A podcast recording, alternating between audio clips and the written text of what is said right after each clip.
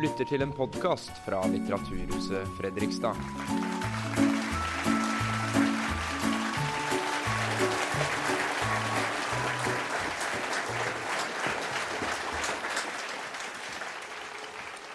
Takk skal du ha. Eh, og takk for å bli invitert. Eh, jeg hadde da tenkt å snakke om to ting. Det ene, var, ene er eh, hva boka handler om. Og det andre er noe om eh, mottagelsen. Det siste kommer jeg til å kutte, for det vil Therese Solien snakke litt om. Men jeg må bare si en ting at mottagelsen har vært ganske enorm. Og mye mye mer omfattende enn det jeg regna med.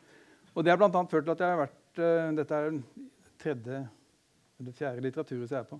Og det er et eller annet med meg i Litteraturhuset. Det må jeg bare si først.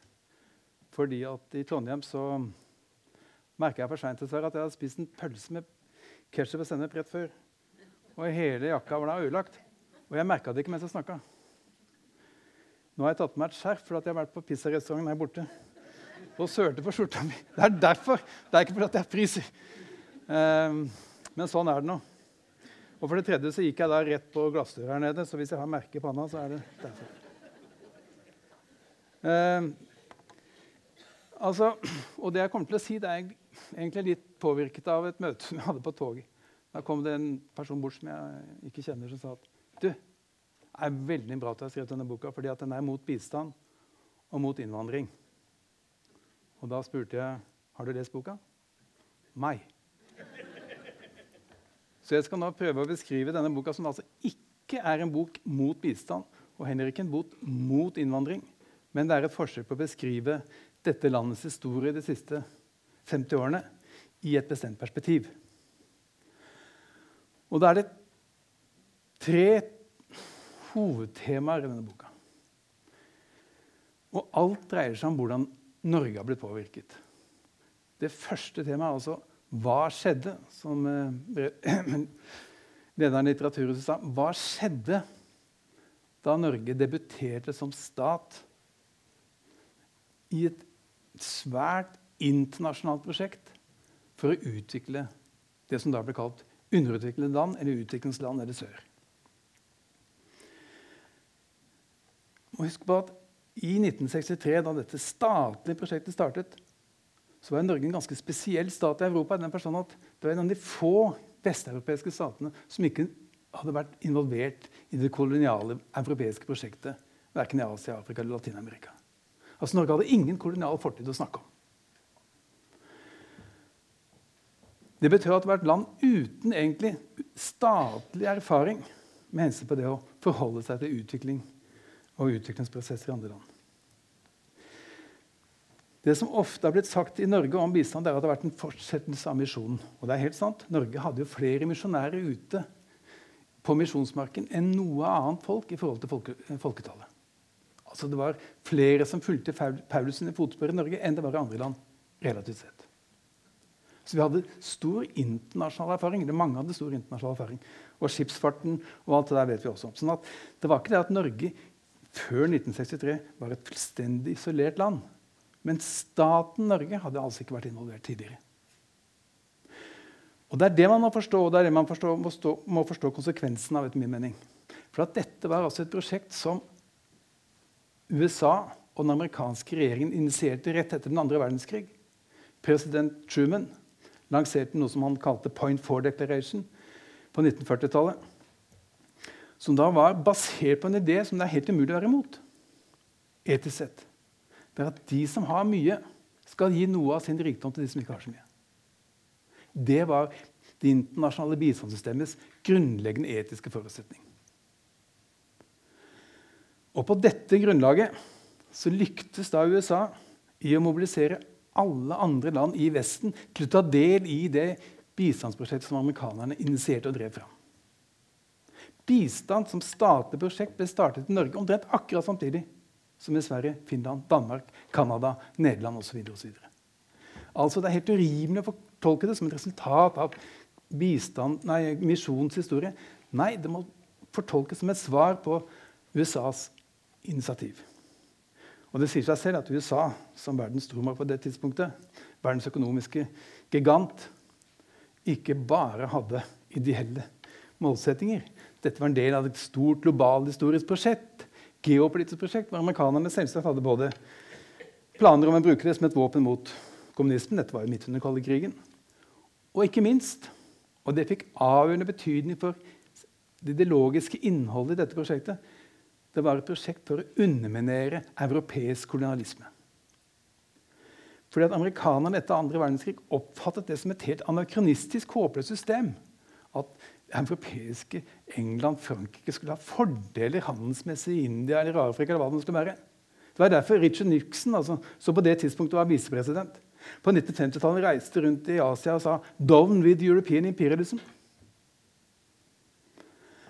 Og I en sånn situasjon så måtte da amerikanerne tenkte ut amerikanerne, Det var jo ganske logisk. Dette var, husk på, dette var også de antikolonialismens epoke. så å si, ikke sant? FN hadde blitt etablert. Man fikk tiår mot kolonialisme osv. Det var veldig veldig viktig for amerikanerne å distansere dette prosjektet fra det europeiske siviliseringsprosjektet.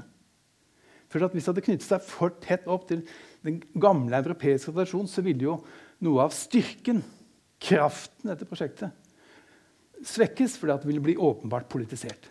Så istedenfor å snakke om vestliggjøring, som man gjorde under kolonitiden, så snakket man om modernisering, utvikling. Altså Man fikk et prosjekt som var formulert og begrunnet med mye mer sånn universalistiske begreper. Og Det kommer jeg tilbake til betydningen av det. Altså, USA startet et initiativ, fikk med seg alle land i Vesten, OECD-landene, deriblant Norge, i dette prosjektet. Det innebar at Norge for første gang som stat altså, ble involvert i et vestlig utviklingsprosjekt overfor den ikke-vestlige verden. Hva hadde det å si i Norge? Det er det jeg er opptatt av. Ikke om bistand nytter. Det er et helt annet spørsmål. Det kan diskuteres i andre sammenhenger. Men hva hadde dette å si for Norge? Og da er det sånn at det også fikk veldig stor betydning at amerikanerne mente som alle andre regjeringer i OECD-landene at skulle dette prosjektet lykkes et langt løp, så måtte det ha oppslutning fra befolkningen. Altså Hvorfor skulle ellers folk gidde å betale penger over skatteseddelen til noen fattige i Asia? De måtte overbevises om at dette var rett. Og En måte å overbevise befolkningen om at dette var rett, var selvsagt å mobilisere befolkningen. Og det lyktes den norske staten med bedre enn noen annen stat i Vest-Europa. Ikke noe annet land har til de grader lykkes i å mobilisere organisasjonslandskapet. I Norge er det ikke bare Røde Kors og Kirkens Nødhjelp, som er med, men det er Idrettsforbundet, juristene, journalistene Alle er med. Universitetene er med. Norske universitet og høyskoleråd har inngått en avtale med Utenriksdepartementet hvor professorer på, på universitetene i realiteten driver bistand ikke forskning. Kriteriet er om det lykkes bistandsmessig eller ei. Altså Man har fått befolkningen med seg, sånn at man kan si at dette er et nasjonalt prosjekt. Og så har du da disse som jeg skriver i boka, nasjonale ritualene. De eneste nasjonale ritualene som ble etablert i annen verdenskrig, er knyttet til bistand. Operasjon Dagsverk, som mange her kjenner, selv om det er mange litt eldre her, så har de vært med på det. Og det er fortsatt levende. Og ikke minst selvsagt NRKs TV-aksjon, som altså hver eneste høst siden 1974 ikke like mange hele tiden. Men i de siste årene har det lykkes å mobilisere hva de hva hvert selv sier er 100 000 bøssebærere. Kan man tenke seg noe annet prosjekt som har vært i nærheten av å mobilisere 100 000 bøssebærere? Nato, utenrikspolitikk, har vært splittende. EU har vært splittende. Ikke minst EU. Men her har det et prosjekt som har vært nasjonalt samlende. Og er det ikke da grunn til å tro at selv om bistand nesten ikke betyr noen ting, økonomisk 1 av bruttonasjonalprodukt, er det ingenting. Men det er dette prosjektet som organiserer sammen med det internasjonale bistandssystemet den eneste virkelige globale og nasjonale diskusjonen om hva er det som skaper utvikling. Hva er det som skaper menneskerettighetsrealisering? Hvordan skape en likhet mellom kvinner og menn i verden? Og så og så det er kun dette prosjektet. Og Det betyr at det er et prosjekt med en enorm moralsk, politisk og kulturell makt. etter min mening. Og Skal man altså forstå nyere norsk historie, så må man etter min mening, da forstå hvordan dette politikkfeltet har påvirket eh, norske tenkemåter og norsk politikk og norsk institusjonell arkitektur. Det er altså ikke for eller mot bistand. Derimot har jeg i boka noen eksempler på prosjekter som eh, ikke akkurat har vært veldig vellykket. Men det er ikke det som er poenget der. Poenget er å prøve å finne ut hvorfor er det sånn at man ikke klarer å lære av feil? Hvorfor er det sånn at man gjør det samme om igjen og om igjen når det allikevel ikke virker? Og Der kommer jeg da tilbake til disse forestillingene om universalisme og utviklingens letthet, og at utviklingen er et universelt fenomen som vil skje mer eller mindre av seg selv. At, altså at det som må forklares hele tiden, er at land ikke utvikles, og ikke det fantastiske, historiske, at noen land faktisk lyktes i å bryte ut av jordbruksøkonomien på 1600- og 1700-tallet, og etter det har ledet verden i en galopperende eh, industriell og teknologisk utvikling. Det er det ene punktet. Ikke noe mot bistand her. Alle hører det? Det er ikke det som er poenget. Man må kunne skille mellom en diskusjon virker bistand fra en diskusjon hva har dette prosjektet hatt å si for en nyere norsk historie. Det er det jeg diskuterer. Andre eh, jeg da prøver å diskutere, det er hva skjedde da Norge, som altså i forhold til nesten alle andre land i verden, var et ekstremt homogent land fram til 63. Visst fantes det minoriteter som samer og romfolk og, og kvener og sånt. Jøder. Men allikevel, sammenlignet med nesten alle andre land i verden, så er Norge ekstremt homogent. Det kom til uttrykk da en, skrev, en avis skrev om åpningen av banen mellom Trondheim og Bodø i 1962. Så sto det på førstesiden Jernbanen åpnet. En neger var med. Det var ingen som hadde sett det. Et sånt menneske da. I hvert fall ikke nord for Trondheim, vil jeg tro. Og Husk på også at i 1920, altså mens Spania, Portugal, Hellas, Balkan, Italia Ikke minst England etter annen verdenskrig med de store eh, immigrasjonsbevegelsene fra Pakistan og India de hadde selvsagt store muslimske minoriteter. Men i Norge så fantes det jo så å si ikke muslimer for eksempel, eller folk som tilhørte andre religioner, som hinduisme og buddhisme, før denne immigrasjonen startet. I 1920 så ble det talt hvor mange muslimer i Norge? Én. Bodde i Alta. Hvem han var, aner ikke. Men det er, bare, det er noe sånt. Nå eh, bor det altså eh, 250 000 mennesker fra muslimske land. Kanskje også rundt 250 000 muslimer, for det er muslimer som kommer fra ikke-muslimske ikke land også. så klart. Altså en enormt viktig endring i et land som i hundrevis av år har vært et protestantisk kristent land. Og så seint som i 1963 97 var med i statskirken. Og de 3% andre var med i 12 ulike eller 20 ulike, jeg husker ikke akkurat nå, Folketellinga ja, 62 opererte med 20 ulike religiøse samfunn, men det var alle sånne norske eh, religiøse samfunn som ikke var med i statskirken. Registrerte ikke muslimer, registrerte ikke hinduer, registrerte ikke buddhister. så klart. Mens altså nå er Norge blitt et av de landene i Europa som er mest heterogent. Og Norge hadde en befolkningsvekst fra 1995 til 2016 som var tre ganger så stor relativt sett som Danmark. Tre ganger så stor. Og dobbelt så stor relativt sett som befolkningsveksten i Sverige. Stort sett innvandringsdrevet. Dette er fakta. Er det innvandringsfiendtlig? Hvorfor er det innvandringsfiendtlig? De som er for innvandring, må jo si kjempefint. Det er jo kommet mange.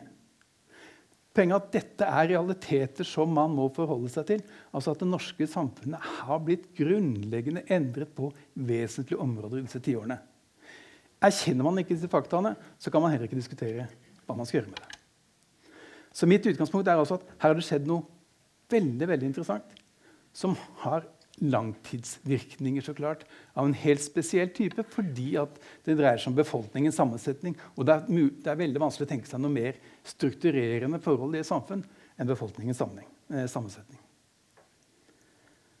Så er da spørsmålet hvordan håndterte Norge dette? Da har jo en narrativ eller en fortelling har vært at Norge har vært kjennetegnet av en streng innvandringspolitikk og en fremmedfiendtlig beholdning. Etter min mening så finnes det ikke grunnlag for noen av de tesene. Hvordan kan det være en streng innvandringspolitikk når Norge har hatt den største innvandringen relativt sett i nesten alle andre europeiske land? Og altså har fått en befolkningsvekst som er innvandrerdrevet, som er tre ganger så stor relativt sett som Danmark, og dobbelt så stor som Sverige. Det er jo veldig vanskelig å opprettholde den tesen. Og hvordan kan det norske folket være fremmedfiendtlig når denne endringen har skjedd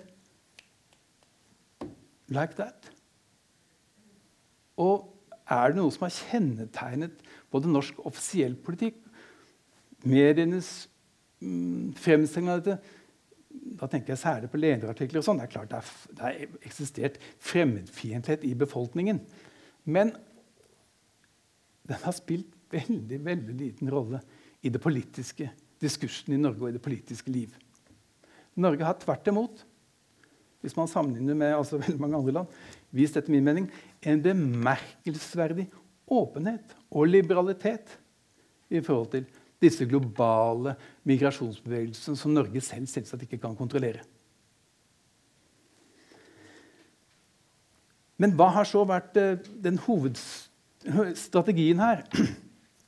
Og igjen så må man da se til utlandet. ikke sant? Nytter ikke å forstå norsk historie ved bare å se på Norge. Nasjonalismen på 1800-tallet kom jo fra Europa. Det var import. Ideen om nasjonalisme var jo en import. Ideen om bistand var import. Ideen om universalisme, menneskerettighetens universalisme, sånn som vi kanskje kan komme tilbake til Therese, etterpå, eh, var jo import. Men det var også det som ble den dominerende eh, politikken og ideologien og normsettet når det gjaldt hvordan man skulle håndtere eh, denne nye innvandringen til Norge. Og Det som jeg da har funnet ut, som jeg ble veldig overrasket over, det er at allerede fra 70-tallet av så slo de norske regjeringene eh, fast at Norge i realiteten skulle starte med en slags ny statsbyggingsideologi. Altså Jeg snakker om det, det internasjonale gjennombruddet, og da gjør jeg det helt bevisst ved å sammenligne med det nasjonale gjennombruddet på 1800-tallet. Alle kjenner til det nasjonale gjennombruddet på 1800-tallet. Johan Herman Wessel, eh, med det danske selskapet, Brun ikke sant? Alle, der, alle har hørt dette på skolen. ikke sant? Og så kommer P.A. Munch, og så kommer eh, Tidemann og Gude, og så kommer hele denne nasjonale bevegelsen. ikke sant? Staten hadde altså som oppgave, eller de intellektuelle stilte seg spissen for bygging av en nasjonalstat. På 70-tallet ble denne ideologien erstattet med en ideologi som, jeg, som, som, det går an å kalle multikulturalistisk. I den forstand at statens målsetting det ble selvsagt ikke realisert i alle områder av samfunnet. Dette er ikke gjort over natten. Det var ikke sånn at alle var 100 enige i det heller.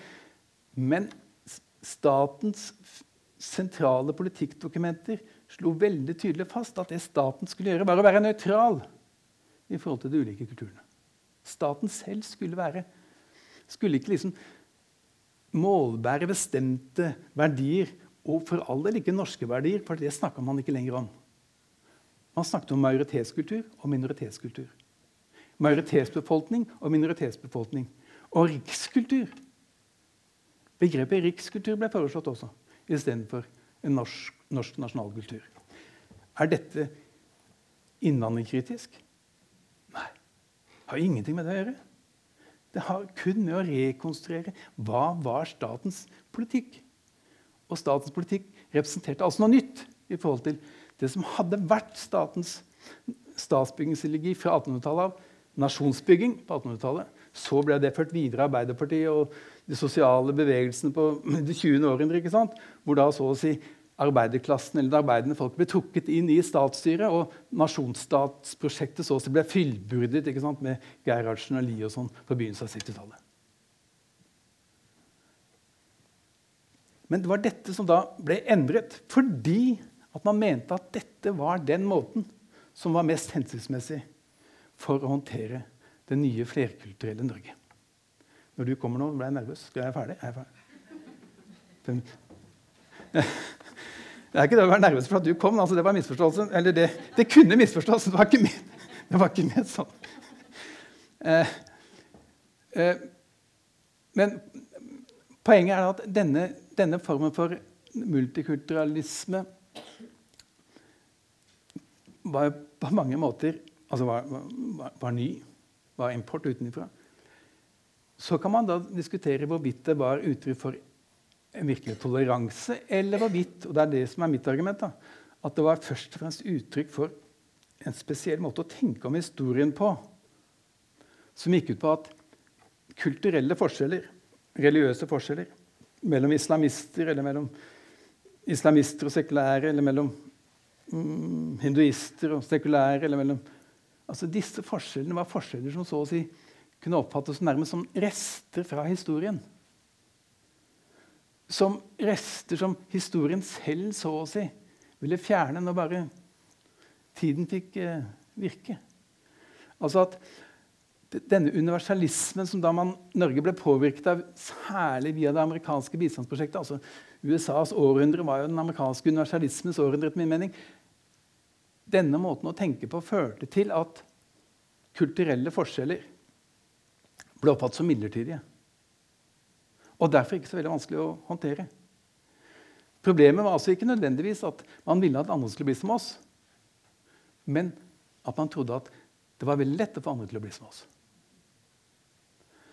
Altså at det var en multikulturalisme som egentlig mer har, har, mer til felles med denne universalismen enn den har til felles med tradisjonell sånn antropologisk multikulturalisme, som jo går ut på å dyrke kulturelle forskjell. Og helt prinsipielt mener at det ikke er mulig å trekke noe skille mellom hva som er god eller dårlig kultur, eller mellom høysivilisasjoner og lavsivilisasjoner osv. Ja, jeg tror jeg må stoppe der når jeg ser uh, du står der hele tiden. Uh, uh, men, og det er for så vidt greit. Altså, det er disse to prosessene som jeg da prøver å beskrive. Fordi jeg mener at det er helt sentral norsk historie. At det er grunnlaget for at det er mulig å snakke om et internasjonalt gjennombrudd. Det skjer noe helt dramatisk. Og så, og det kan vi snakke om etterpå, det tredje jeg da prøver å si noe om, det er eh, hvordan disse to prosessene selvsagt var nødt til å føre til at det også utviklet seg nye politiske miljøer og eliter i Norge som tok makten og kontrollen over disse ut utviklingsprosessene. Man kan ikke forvente at tradisjonen fra Gerhardsen og Lie skulle håndtere dette. Det var, helt, det var helt nye problemer som Norge aldri har vært borti. Så det kom nye eliter som da delvis har blitt vokst, mobilisert av dette internasjonale bistandssystemet. Og som jeg da prøver å dokumentere, at det er det samme eh, Veldig mange av de samme aktørene som historisk sett har vært involvert innenfor bistand, som også har vært involvert innenfor eh, immigrasjons- og integreringsfeltet i Norge.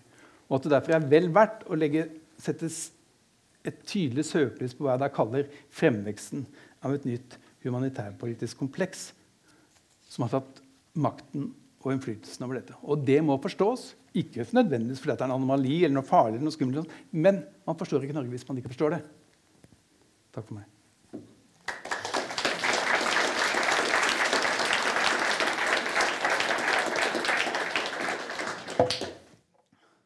Vi tillate oss å sette oss her hvor det er litt sånn Har du møll? Nei, jeg har drukket opp min, da. Surt.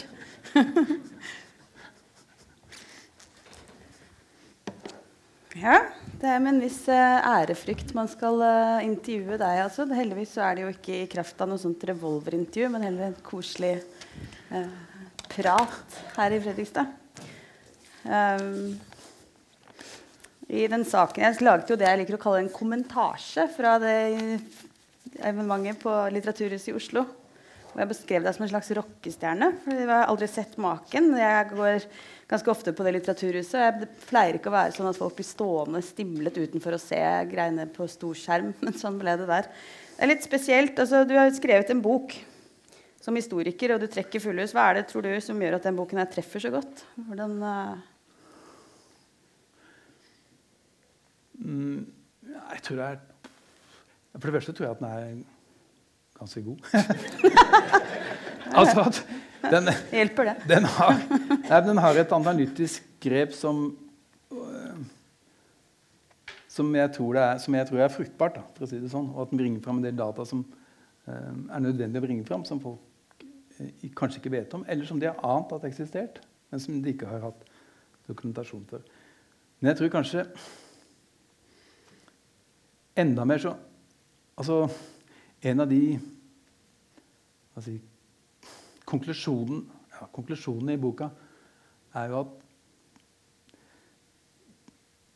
disse store endringsprosessene ble nesten ikke diskutert. Særlig innenfor forskningsmiljøet og den intellektuelle delen av Norge. Altså, jeg vet ikke om dere kjenner til Science. Dette tidsskriftet Science gjorde en undersøkelse i 2011, eller publiserte en undersøkelse i 2011 som sa at de sammenligna 33 land.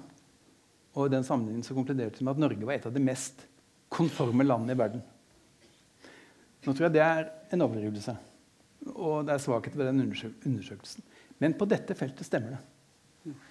Fordi det har jo nesten ikke vært diskusjon om de grunnleggende ideene bak bistandssystemet.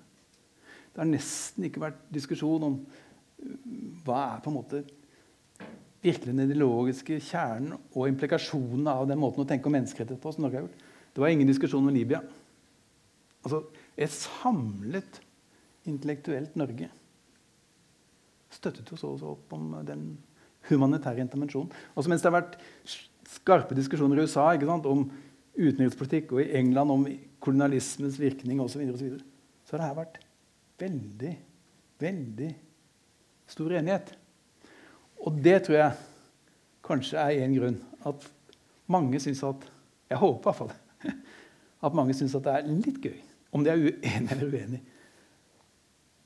at det kommer en bok som sier noe litt annet da, enn det de har hørt før. Mm. Tror, tror, jeg ganske tror det stemmer ganske godt.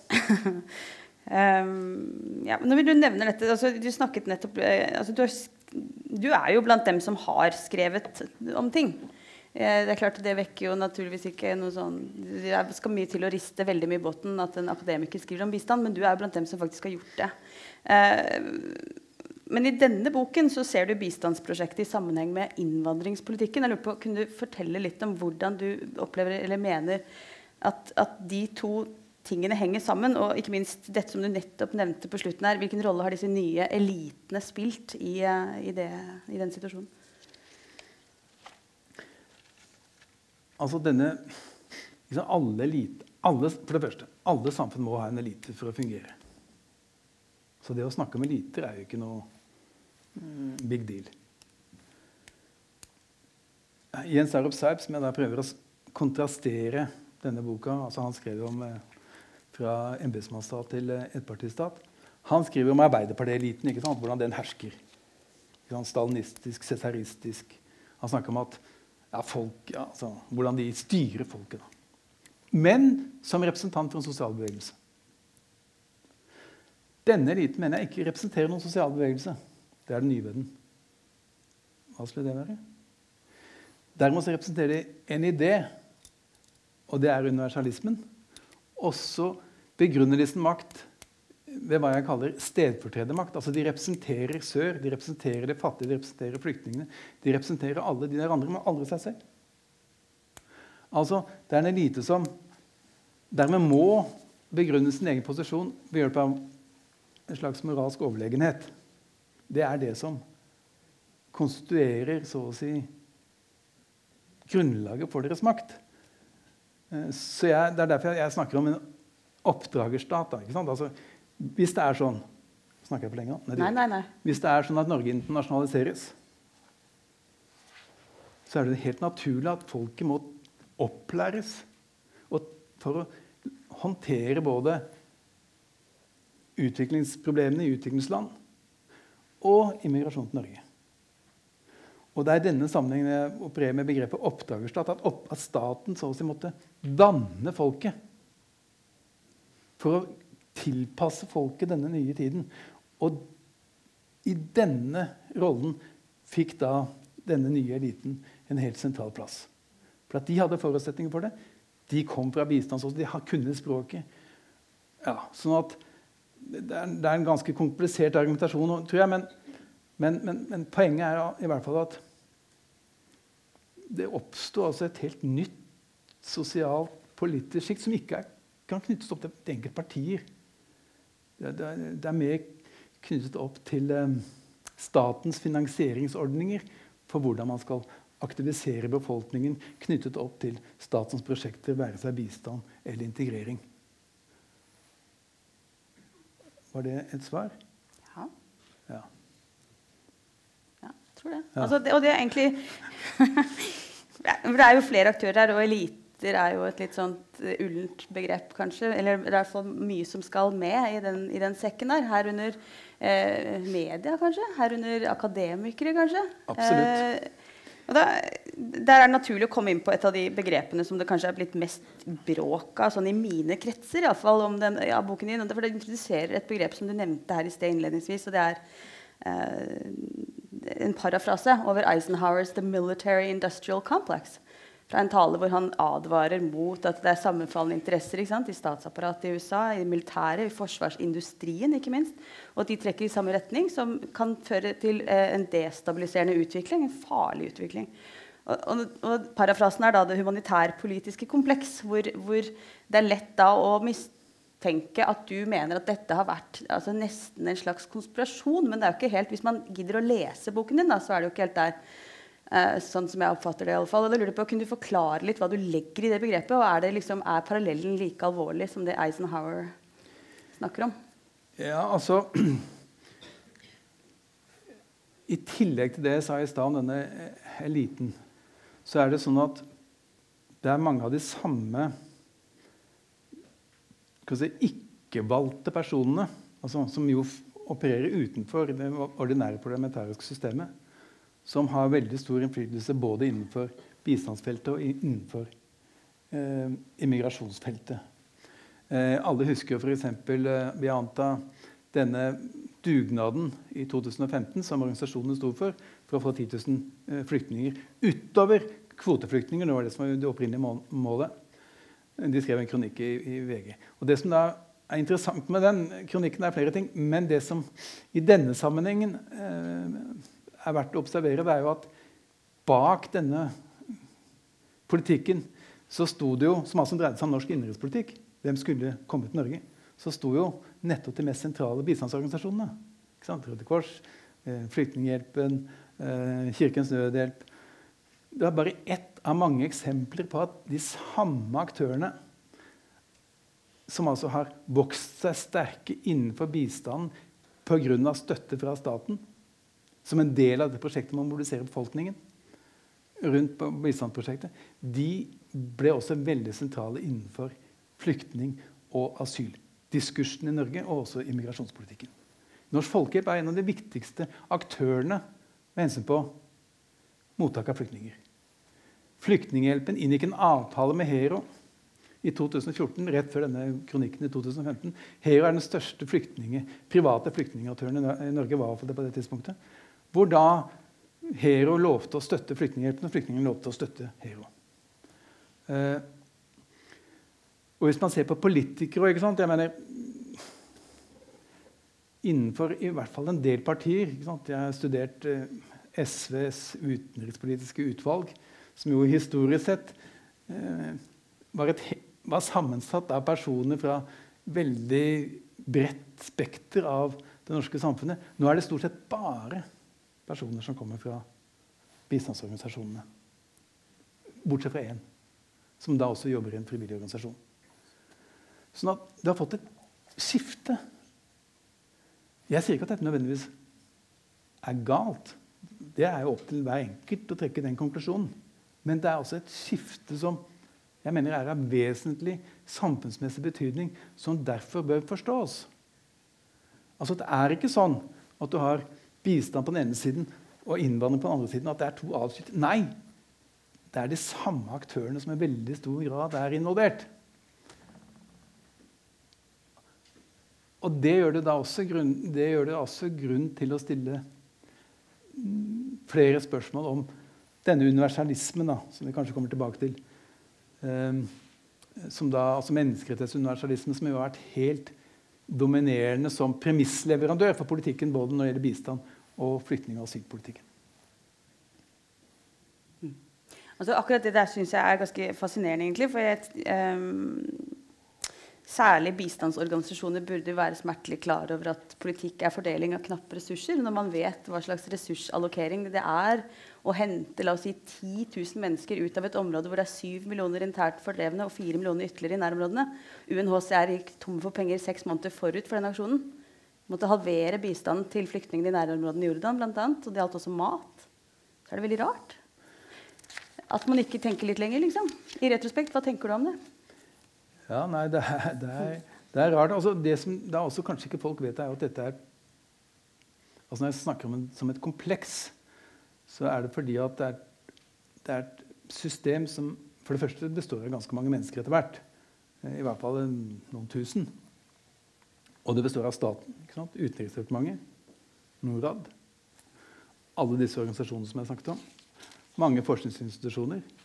Deler av pressen, som jo har fått penger av det samme, prosjekt, samme staten. Ikke, ikke minst deler av kulturlivet, som også får støtte. Sånn at det er ganske stort og sånn eh, Det er et system med mange fangarmer, på, på en måte. Altså mange tentakler. Eh, og hvis det er sånn at dette fenomenet i samfunnet ikke skiller seg fundamentalt fra alle andre fenomener i samfunnet, vel, så må man studere det som det det er. Og ikke liksom gi det friplass fordi at de holder på med positive ting. Ikke sant? Mm. Og det er det jeg, jeg, jeg, det jeg, det jeg egentlig prøver på, det er å studere dette som om det er helt ordinære fenomen. Og ikke bry meg om så å si, at de framstiller seg som representanter for det gode, for det universelle, for det vi alle er for, osv. Det er interessant, men det er jo ikke hele historien. Man skjønner jo ikke dette som samfunnsfenomen bare ved å høre på hva det sier. Man må jo også analysere prosessene som skaper det, ikke sant? og maktforholdene internt osv. Og, og da er det interessant ikke sant, at Husk på hvem var det som var drivere i, snakk, i Norges beslutning Eller ikke beslutningen om å bombe livet. Er klart at Der hadde sikkert Jens Stoltenberg sine egne ambisjoner. Det er god grunn til å tro. Men begrunnelsen for aksjonen det var en humanitær politisk begrunnelse. Det var en humanitær intervensjon for menneskerettighetene. Og de som sterkest argumenterte for det, det var jo SV, det var det humanitærpolitiske kompleks, og det var Den norske kirken. Og det var Venstre, og det var Kristelig Folkeparti. Ikke næringslivet. Statoil vil ikke ha noe krig i Libya. Eller Yara. Nei, det var dette, representanter for dette politikkfeltet. Og så vet vi jo da, som jeg også skriver litt om i boka, at Norge har spilt en veldig viktig rolle i noen, noen, områder. Norge var med, på å skape, skape Sør-Sudan som stat. Og var med på å skape Eritrea som stat. Det landet, et av de landene kommer flest flyktninger til Norge fra nå. Det var jo ikke næringslivet som sto bak. Næringslivet har aldri vært interessert i altså Det er ikke kapitalen, liksom. Jeg har aldri vært interessert verken i Eritrea eller Sør-Sudan. De eneste som har vært interessert, har vært det humanitærpolitiske kompleks. De har drevet det. Og med enorme konsekvenser for millioner av mennesker. Så kan man ikke da være interessert i hva dette komplekset består av, hvordan det har oppstått, hvem det er som har makt der. Jeg mener et rungende ja. det er rett og slett viktig tror det, altså, en rekke sørsudanere også vil være enig i det. Altså, det er, jeg er ikke i tvil om det. går ikke sånn kjempebra. Um, men altså, jeg, jeg, må utfordre dette litt. fordi det, kritikere tror jeg vil innvende, kanskje, da, at, at for det er et refreng vi alltid får høre uansett hvem det er som sitter i regjering. Så kommer det fra Utenriksdepartementet, det kommer fra Norad, pressen, eh, hvem det nå enn er. At Eh, Norge får plass rundt bord som egentlig er for store til at Norge skulle høre hjemme der. Nettopp fordi Norge er en humanitær stormakt. Altså det blir man fortalt igjen og igjen. Det, ligger, det, hører man like ofte som 'Norges utenrikspolitikk ligger fast'. Det er de to refrengene som synges igjen og igjen. Da tenker jeg Det er mulig å se det da, i en mulig verden som at dette ikke har for, altså, noe av inntrykket i boken, fra boken, jeg, slik jeg leste det, var at mye av denne eh, dramatiske, irreversible politikken er kommet på plass nesten uten at noen har stoppet opp, tenkt seg om hva skjer. Er dette noe smart? Men man kan være litt mer skal jeg, si, jeg vet ikke om jeg skal bruke noe eh, adjektiv her, men man kan i hvert fall forestille seg da, at det rett og slett har vært Tvert imot villet, rasjonelt og en måte å gi, skape en større rolle for Norge på ved nettopp å drive denne typen humanitær storpolitikk. Og skape Norge om til en slags stormakt som vi jo ikke hadde vært eh, under andre omstendigheter. På, Hva tenker du om det argumentet? Resonnerer det? Det tror jeg absolutt uh, på. Eh, her må jeg nesten fortelle to historier. Eh, for at Norge Norges politikk internasjonalt var jo nesten som innvandringspolitikken til sine tider. Usannsynlig beskjeden. Smålåten, for å si det sånn. Altså på vegne av Norge. Det var en stor diskusjon eh, på Afrikas Horn etter uh, tørkekatastrofen der, hvis dere husker det, i, i 84, altså i forbindelse med Bob Geldof og alt det der. Og da var jo alle, hele verden med på å drive nødhjelp. Og Norge også. Og da husker jeg det var en diskusjon i UD. Skal Norge på en måte signalisere at Norge er med her? Og hvordan skal vi gjøre det? For at Linjen var jo at nei, Norge gjør bare dette for de andre. Skal ikke tjene på det selv. Vi er genuint opptatt av de andre. Og da var det en som lenge han var nødhjelpskoordinator, hadde foreslått at skal vi ikke ha et lite norsk flagg? Fordi at eh, USAID kommer med svære sekker. ikke sant? Stod USAID på, EU kommer med svære sekker. EU Lite flagg. Og han ble stemt ned. ikke sant? Nei, vi er ikke sjåvinister. Men så kom da denne nye politikken eh, om humanitær stormakt. og da var det sånn, Han ble feit til side for at nå skulle det være store flagg. Ikke så veldig store, men litt store. eh, og jeg, mener, jeg snakker jo med folk eh, som ble rimelig irritert når de reiste til Sør-Afrika. De visste, jo at Norge hadde vært ganske viktig å støtte ANC. ikke sant? Men da de kom dit, så fikk de ikke noen rød løper. Altså, Norge var Norge. For Alle de andre hadde skrytt så mye av all den hjelpa, men ingen som visste at Norge hadde gjort noe særlig hjelp. Fordi at de hadde vært så low-key. Og dette irriterte jo, naturlig nok, de som hadde stått bak disse bevilgningene, så de ville også få en rød løper. Altså billedlig sett. Så her, det var mange gode grunner til at Norge prøvde å profilere seg sterkere. Og denne politikken med den humanitære stormakten var en del av den politikken for å profilere Norge sterkere. og At Norge skulle høste mer laurbær så å si, av hva man eh, investerte. Og det er ikke noen grunn til å kritisere den politikken. eller altså, Det er på en måte ikke det jeg er opptatt av, om, om, det er godt eller dårlig. Men det er mer Det denne boka handler om, er mer hvordan var det denne politikken ble eh, kommunisert? Ikke hva som var de opprinnelige intensjonene, men hvordan ble den kommunisert? Hvordan ble den dermed forstått i norsk offentlighet? Hvordan ser den, altså hvordan ble det en del av altså norsk selvforståelse? Hvordan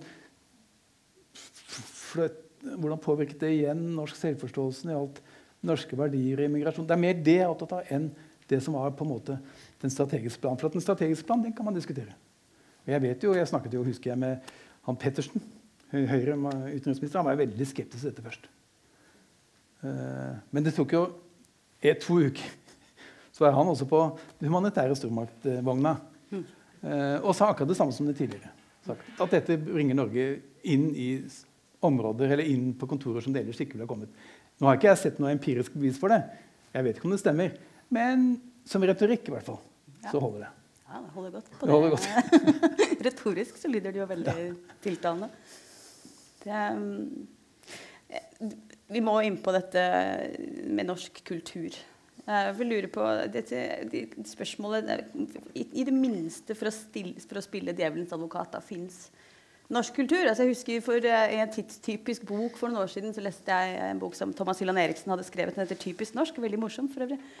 Men der, der, dreier det seg vel egentlig om å dekonstruere begrepet 'typisk norsk'. Da. Han viser at det finnes mange måter å se det på, hvor ingen av disse måtene å se det på er sanne i alle mulige verdener.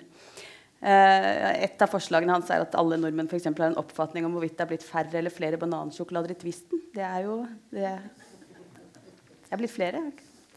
Eh, jeg lurer på, altså Misjon, f.eks. bistand osv. Er ikke det måte, stjerneeksempler på norsk kultur? Altså nå er jo, Her må man jo først definere egentlig, hva som er norsk kultur, og hva som er norske verdier. For at dette blir jo sauset sammen i norsk offentlig diskusjon etter min mening, på en uheldig måte. Og da må vel også på en måte definere og bestemme seg for når er begrepet norsk kultur relevant? Og for meg så mener jeg at det må jo først og fremst komme til uttrykk i relasjonelle forbindelser. Og hvis man da tenker i forhold til innvandring til Norge, så må det, da denne norske kulturen uttrykkes på et eller annet vis i disse relasjonelle forbindelsene med ikke-norske kulturer. Det er rimelig. Ja. Og det som jeg da har konkludert med, det er at egentlig finnes da i denne sammenhengen ikke norsk kultur. Fordi at måten som dette kulturmøtet, eller dette møtet mellom minoritetskultur og majoritetskultur er formulert på, det innebærer at norsk kultur ikke spiller noen rolle i det hele tatt. Og da kan ikke norsk kultur eksistere. For hva er det hvis det ikke har noen betydning? Da begynner du å leite etter sånne artefakter. Eh, F.eks. Eh, twist, jeg vil si Twist-poser. Ja, altså, jeg mener sånn eh, Lakrisposer. Hvor mange lakrisposer er det? Lakris er det i Twist-posen. Det, det, er det viktigste. Eh, eller eh, ostehøvel, eller Ikke sant? Men det er jo ikke noe særlig interessant. Poenget er jo at Norge er et eget land med et eget språkfellesskap. Og gitt at det har et eget språkfellesskap, så har det også vært mulig å skape et eget politisk fellesskap. Så i dag så vil etter min mening norsk kultur og norske verdier først og fremst bli relevant i det øyeblikket man klarer å artikulere det som en del av det som skal skape en grunnlag for det nye politiske fellesskapet i et flerkulturelt Norge.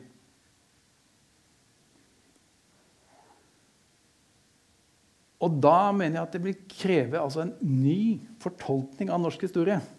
Ikke at man skal forkaste mm, noe som helst, eller innvente noe som helst. Men man, skal, men man blir tvunget til å se på norsk historie og det norske språkfellesskapets erfaringer på nye måter. F.eks. hvis man studerer norsk historisk forskning, så må man se at det har vært relativt lite undersøkt hvorfor har det historisk sett vært såpass lite korrupsjon i Norge sammenlignet med andre land. Det er et faktum. Det finnes korrupsjon her òg, for all del. Men relativt sett relativt lite. Hvorfor? Det er et av de mest interessante spørsmålene hvis det kommer fra Sør-Sudan eller fra Somalia. Eller hvorfor i all verden har det hatt en så stabil stat som folk har tiltro til? Altså Man går til staten og regner med at man blir noenlunde rettferdig behandlet. Hvor kommer denne statsadministrasjonen fra, og hvor kommer denne relasjonen fra? Hvor kommer tillit til det norske samfunnet altså Alle de spørsmålene må stilles på nytt, fordi vi har ikke noe svar. Fordi det er jo sånn med alle ting at det som du tar for gitt, det har, undersøker du ikke. Det som er normalt, interesserer deg ikke. Men det er jo det positive, en av de mange positive sidene ved innvandring til Norge. er at norsk, altså, det norske språkfellesskapet må stille nye spørsmål til sin historie, som vil gjøre sin egen historie globalt relevant på en helt annen måte enn det har vært det tidligere. Fordi at da blir det vist at Norge har faktisk bidrag til denne verdenshistorien. Fordi at det er skapt saker og ting her opp gjennom historien som er egentlig ganske fantastiske. Eller uforståelige. Eh, hvis du ser det litt utenfra. Det vil si helt uforståelige hvis du ser det fra noen lands eh, og, og områders eh, ståsted. Så derfor vil jeg, jeg vil hele tiden tenke sånn relasjonelt, handlingsorientert. Det er det som artikuleres og blir relevant i sånne eh, relasjoner. Det er der Det er sånn man må diskutere norsk kultur det er sånn man må diskutere norske verdier. Og ikke sitte sånn eh, tilbakelent og, og, og, lese gamle bøker. Eller se om man har bunad, du, det, bunad eller ikke. Altså, det er ikke ikke særlig produktivt.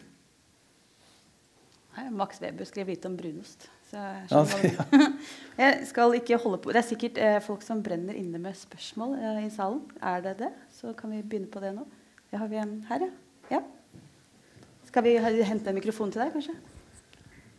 Jeg iler. Den er på. Ja, eh, god kveld. Jeg heter Frode Rekve. Og jeg er, eh, har vært journalist og redaktør og bistandsarbeider hele mitt liv. Og jeg må si at jeg syns eh, det er prisverdig at du røsker opp eh, i, i, dette, eh, Terje Tvedt. Veldig prisverdig. Vi fortjener en debatt om det. Eh, men det du sa innledningsvis, og som det har gått igjen i alt du har sagt i kveld Denne fantastiske konsensusen i Norge om veldig mye, og også om FN Du finner jo nesten ikke en eneste nordmann som er mot FN. Eh, og eh, det er veldig stor konsensus om bistand. Det er veldig stor konsensus om humanisme. Uh, og, eh, men det er bra. Det er, det er, fint at du spør hvorfor i all verden har det blitt sånn, og så påpeker du disse elitene som vi ser så tydelig. Uh, men jeg lurer på om du kunne si litt om for, det syns jeg kommer lite fram. Har, Hvorfor har det, Jeg skjønner også hvorfor det har skjedd, men syns du det er ille? Er det feil? Er det gærent at det har skjedd? Det, mitt spørsmål bety, behøver, sier altså ikke noe om at det, det boka Jeg øh, håper du forstår meg. Jeg syns det er bra at boka di kommer. Jeg synes det er bra at du røsker opp. Jeg er litt interessert i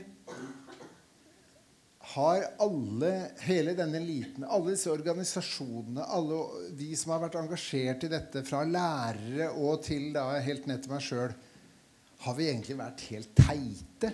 Har vi, har vi gjort feil hele veien?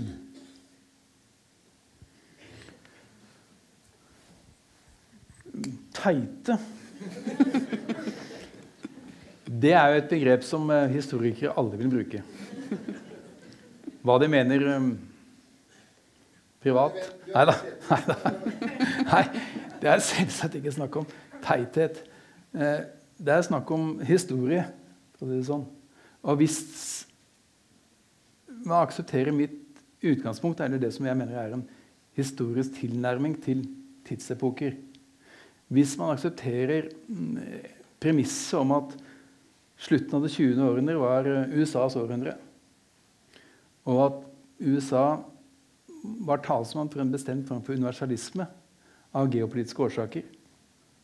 Blant annet så fikk USA vedtatt denne store kongressen om menneskerettigheter i Wien i 1993 at menneskerettighetene var universelle eh, i historisk forstand. Altså. Og det var et spørsmål som var beyond question. Altså Det var rett og slett etablert som et dogme som ikke skulle diskuteres. Og Den norske stortingsmeldingen gjentok dette. altså Bondevik regjeringen og Hilde Frafjord Johnsen la jo fram en stortingsmelding i 1999 om norsk menneskerettighetspolitikk som argumenterte for at menneskerettighetene var noe som eksisterte i alle kulturer og alle store verdensreligioner. Man skjønner jo bakgrunnen. Visst finnes det ideer om rettferdighet, om det gode samfunnet overalt, men det er noe helt annet enn denne helt spesifikke ideen om at alle individer skal ha like rettigheter overfor en stat som skal garantere disse rettighetene. Det, jo, det, jo, det, det, forutsetter så mange ting for at den måten å tenke på skal vinne fram. Og det at og der, Jeg hadde forventet eh, Therese, du sa det på forhånd, derfor snakket jeg om det, at denne sekulære statsreligionen. Jeg mener at denne menneskerettighetstenkningen har blitt en slags, slags sekulær statsreligion i den forstand, religion i den forstand at den er basert på dogmer som ikke behøver å diskuteres. Ikke Gud, men at det er universelt. Og at det har blitt en statsreligion i den forstand at staten har promovert det og lansert 100 forskjellige slags undervisningsprogrammer. Hvis du har jobbet i skolen, så har du sett mange eksempler på det. Og det som da er veldig veldig interessant, og som jeg ikke kan skjønne at ikke alle syns er veldig, veldig interessant, er hvorfor har ikke dette dogmet blitt diskutert? Nesten i det hele tatt. Hvorfor er det sånn at man ikke har diskutert et åpenbart spørsmål som behovet for å trekke en en distinksjon mellom det å universalisere verdier som man syns er gode, til det å oppfatte ideene som allerede universelle. Hvorfor er det sånn at ikke det har blitt diskutert? Og Det er snakk om 30-40 år med noen av den høyest utdannede befolkningen i verden. Som kan så mye. Og allikevel har det nesten vært umulig i løpet av de tiårene å hevde et alternativt synspunkt på akkurat det. Da blir, har du blitt jagd ut i ørkenen som et offerlam. Eh, det er sånne spørsmål som jeg syns bare er så interessante. Eh, hvorfor tror du det har vært sånn? Jeg ser jo at du får veldig sterk støtte fra eh, høyresiden og fra eh, såkalt reaksjonært hold. Og veldig liksom, taushet fra de andre. Hvorfor, hvorfor, har det blitt sånn? Bekymrer det deg litt? At, uh, en, at, hvorfor har vi ikke hatt den debatten som du har etterlyst? Hvorfor har det vært sånn i 30-40 år? Og når du nå endelig påpeker dette, så er det de på høyresiden som syns det du sier og kommer med, er veldig bra. Og det, fra den andre siden er det fortsatt ganske taust. Ja, nei, altså Du har helt rett i det. det er, eh, men jeg kan ikke tenke hvem er det som liker det, og hvem er det som ikke liker det. Da, det helt, da må du bare slutte å drive med forskning, rett og slett. Eh, men altså, jeg tror Eller jeg tror jeg har prøvd å, å analysere litt i den boka òg. For hva er det som er, ikke sant, Hvis vi tenker litt historisk Altså når Norske intellektuelle norske akademikere var på 60- og 70-tallet utrolig opptatt av den tredje verden. Mange. Mange av de mest toneangivende. Og hva var tredje verden da? Jo, det var på en måte historiens framtid. Jeg pleier alltid å nevne boka til Arild Asnes, nei, til, til, Dag Solstad. Det er sikkert noen som har lest den her, ser jeg. Arild Asnes.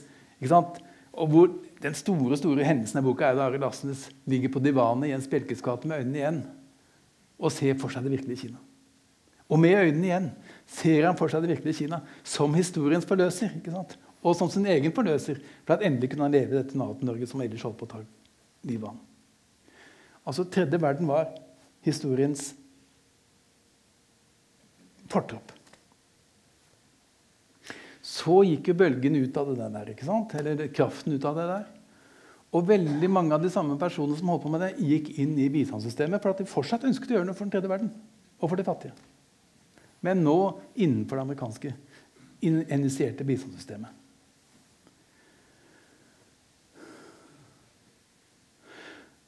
Og da et bistandssystem som internasjonalt snakket om rettferdighet, men hvor ideologien mer og mer ble rettighetsorientert. Man gikk fra å være opptatt av rettferdighet til å bli opptatt av rettigheter. Så rettighetstenkningen ble så å si den nye utopien.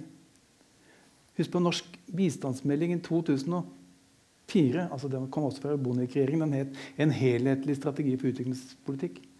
Den hadde som basis at alle var enig i den norske regjeringens måte å tenke om utvikling på. Og utviklingen var Det var en rettighet i henhold til menneskerettighetene. Altså, som historiker er det umulig å tenke på utvikling som en rettighet. I og med at det er en så komplisert prosess så noen har lykkes, og andre ikke har lykkes. Og ingen vet hvordan verden vil være om 200 år. Skal det gå rundt og si ja, men verden går til Men de har rett på ut... Det går jo ikke, det. Altså i, i den virkelige verden.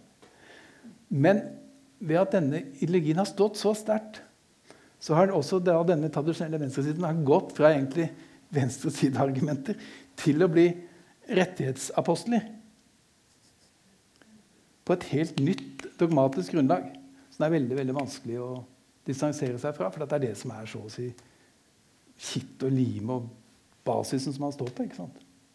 Det er ikke lett å kvitte seg med eller å distansere seg eller, eller være kritisk til uh, ens egen sjel. Eller mangel på sjel. Jeg vet ikke.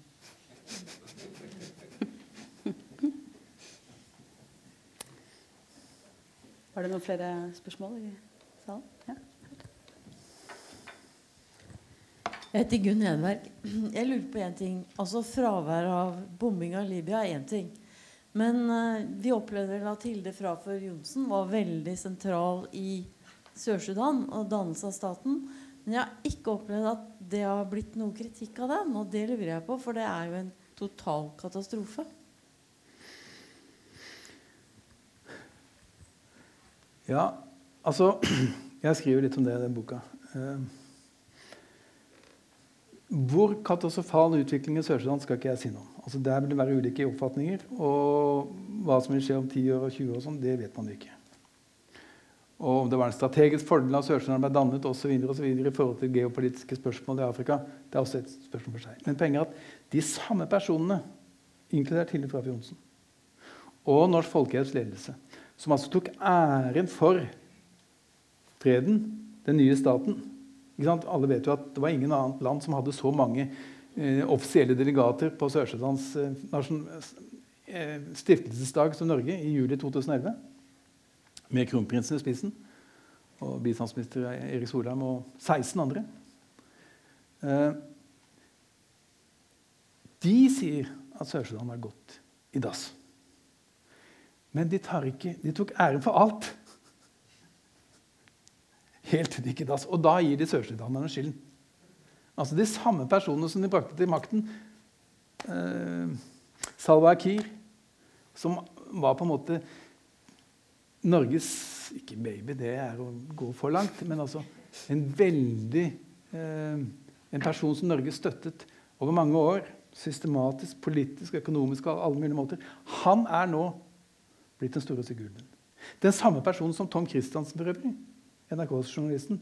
Jo var pressetalsmann. Var, ja. ja, men han var jo pressetalsmann for denne Salwa Akir fra 2006. For øvrig betalt av Utenriksdepartementet via, via, via.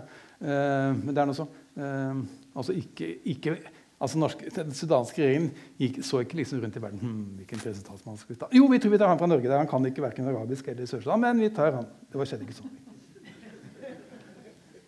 Men altså, ingen av disse tar ansvar for hva som skjedde. Det er det jeg er opptatt av.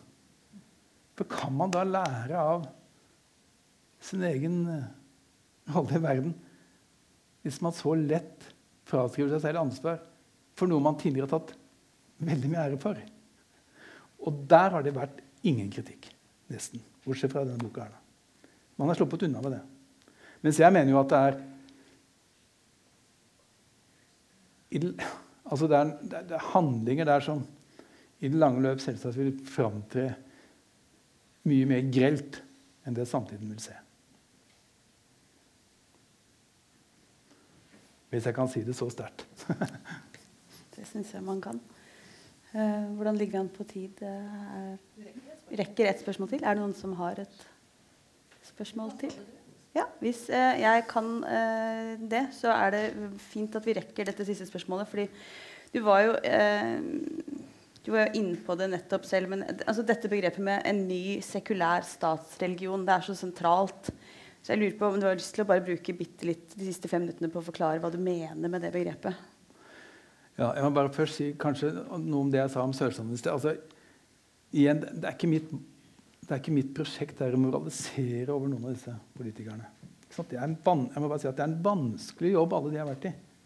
Det er ikke lett å være FNs representant i Sør-Sudan. Det er ikke lett å lede folke, Norsk Folkehjelps arbeid i Sør-Sudan heller. Altså, det krever sin person. Så det er ikke noe, mitt poeng er ikke å moralisere over at de fraskriver seg ansvar. Det er mer det intellektuelle problemet som oppstår for nasjonen så å si. Når ledende politikere ikke setter seg ned og sier at her har vi spilt en rolle, også når ting gikk galt. Og det bør man også reflektere over. Og man bør ikke bare hylles for det som gikk fint. Det var det jeg egentlig mente å si. Hvis jeg ble i et, et lite øyeblikk der ble oppfattet som litt eh, slem, så var ikke det meningen. Når det, gjaldt, eh, når det gjelder den sekulære statsreligionen altså,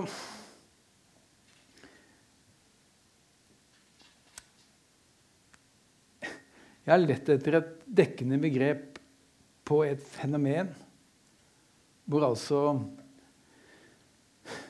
man veldig veldig fort På 1960-tallet var det ingen som snakket om menneskerettigheter. i det hele tatt. På 1970-tallet var det ingen som snakket om menneskerettigheter.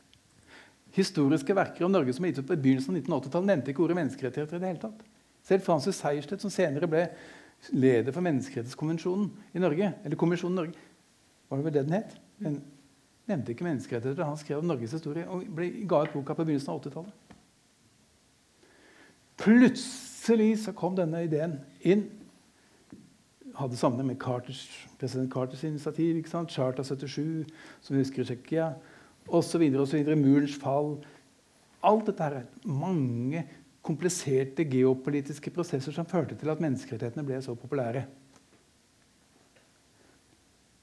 Men i norsk historisk perspektiv så må det være veldig interessant å finne ut hvordan kunne det skje så uhyre fort, og så nærmest uten diskusjon. Tenk innføring av protestantismen eller kristendommen. Ai, harde greier.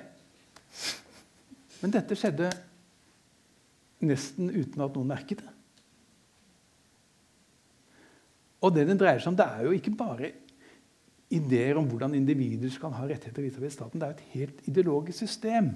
Når man sier at utvikling er en rettighet, ja, da er det en ideologi. Da er det en verdensanskuelse. Alle snakker nå og, og, og ikke ha lekser er en menneskerettighet. Uh, matpakke er en menneskerettighet. Mellomlagspapir er en menneskerettighet. Altså, alt har blitt menneskerettigheter. Og hvordan kan det ha skjedd? Det er, og, og, og, i og med at det har fått en så stor betydning, så mener jeg at det må være mulig å snakke om det som en slags religion. I og med at de fundamentale trossetningene, som det er to, ikke er blitt særlig diskutert. Og som sagt, i og med at det er staten som er promovert så går det an å snakke om det som en statsreligion, som en sekulær statsreligion. Som en slags kanskje erstatning for kristendommen. Jeg vet ikke. Eh, kanskje det er en erstatning for norsk jeg, puritanisme. Jeg, dette aner jeg ikke noe om. Jeg bare prøver å beskrive den uhyre raske eh, prosessen som ligger bak, og dogmene som eksisterer, som da i veldig liten grad er blitt diskutert. Og jeg kan ikke skjønne at, annet enn at både diskusjon om norsk innvandringspolitikk, om det flerkulturelle Norge, om forholdet til ulike religioner ulike religiøse tradisjoner. Ikke bare islam, men også kristenfundamentalisme, hindufundamentalisme hindu fundamentalisme og you name it. Alle de diskusjonene kommer til å bli påvirket av nye refleksjoner over hva menneskerettighetene egentlig er for noe. For Dette er jo selvsagt ikke noe argument mot menneskerettighetene. Alle skjønner jo det. Dette er ikke noe argument mot at det er rett at alle individer skal ha like rettigheter. At kvinner og menn skal ha samme rettigheter. Jeg blir noen ganger kritisert for å være mot menneskerettigheter, men det er for banalt. Ærlig talt.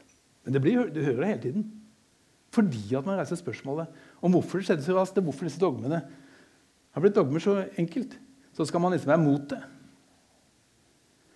Da, jo, da må du jo tenke deg alle diskusjonene innenfor kristendommens historie. Da. Hvis det er mot en kristen, et dogme, så er det mot kristen, kristendommen. Da hadde det vært ganske mange kirkeledere opp gjennom historien som hadde gått heden. Som antikristne. Sånn at uten diskusjon så får de ikke noe kraft.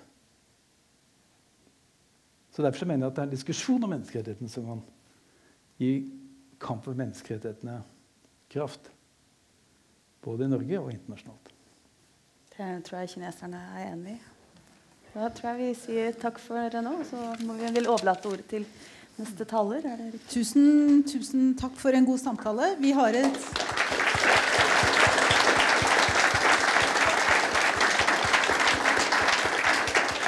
Jeg har, et, eh, jeg har, en programpost på skisseblokka nede på kontoret som heter 'Er menneskerettighetene klare for skraphaugen?' Og nå kjente jeg ble veldig interessert i å invitere deg inn i den diskusjonen om hvor langt de har kommet, og hvordan, hvor stor plass de egentlig har fått. Eh, tusen takk til dere. Dere kan få lov til å gå ned fra scenen. Det er helt sikkert noen som har lyst til å stille Terje Tvedt noen spørsmål, men gjør det på tomannshånd. Han sitter klar med signaturpenn og en bokstabel eh, utenfor. Men før vi Du må passe på den, så du ikke drar sånn, ja. Oi, oi, oi. Men før vi, uh, før vi, forlater salen, så gir vi Kulturarvåret, som er medarrangør på arrangementet, tre minutter til å fortelle hva de holder på med.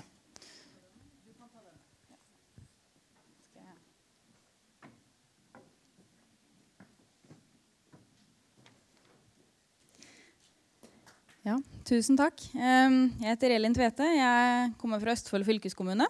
Eh, Vi har eh, Det er jo eh, europeisk kulturarvår i året 2018. Eh, I Østfold er vi allerede i gang. I januar så hadde Blåseensemblet nyttårskonserter, og da hadde vi snorklipping av kulturarvåret i Østfold. Nå har vi hengt oss på arrangementet her. Og ja, nå forsvant Der er du. Tusen hjertelig takk både til Terje og Therese. Dette her har vært morsomt. Jeg ante ikke hva jeg kom til når jeg kom hit i dag. Og det her har vært kjempegøy. Eh, og kulturarv. Og noe av spørsmålet er typisk norsk, ikke bare norsk. Det har vi vel eh, til gangs fått eh, bekrefta her i dag. At det er ikke noe som er erkenorsk, men det er noe vi, eh, som har blitt til i en påvirkning rest, i en symbiose med resten av Europa og resten av verden. Heldigvis. Eh, og Norge er jo ikke en eh, satellitt. Vi er absolutt en del av resten av Europa, selv om vi liker å se på oss sjøl som eh, litt høyt her oppe i nord. Neste arrangement er 7. mars. Fredrikshalls teater. Da er det riksantikvar Jørn Holme som kommer og skal fortelle om kulturarven og mulighetene. Og det kulturhistoriske perspektivet der. Eh, men så må jeg jo si da, at vi er jo i gang lenge før resten av Norge. For eh, avsparket i Norge skjer i Freia fabrikker i uke 11. Så vi har tjuvstarta. Ikke bare én gang, men minst to ganger før resten av Norge kommer i gang. Og det må jeg vel da med hjertet på Nei, hånda på hjertet kunne si at det, det er ganske vanlig at Østfold er tidlig ute med ting. Og det er vi også nok en gang. Men før vi går hjem i dag, så må vi synge bursdagssangen. Therese, og bursdag i dag. Så nå må du komme opp her. Og så må dere hjelpe meg, for jeg Ja, du Du sa du ville ha bursdagssang? Ja, Du må ikke si det til meg hvis ikke du mener det. Men noen av dere må stemme i, fordi jeg har barn som sier at mamma, du synger veldig fint, men du treffer ikke helt tonen. Så da legger jeg fram mikrofonen, og så synger vi bursdagssangen igjen. En, to, tre. Hurra for deg som fyller ditt år, ja, deg vil vi gratulere. Alle i ring omkring deg, vi reiser opp når vi vil marsjere. Bukken ikke i snu oss omkring, danse for deg med hopp og sprett og spring. Ønske deg av hjertet alle gode ting, og si meg så, hva vil du mere? Gratulere.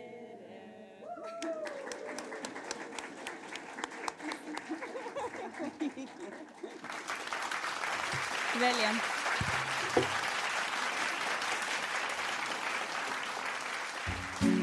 Nå har du hørt en podkast fra Litteraturhuset Fredrikstad. For mer informasjon, klikk deg inn på lytthusfred.no.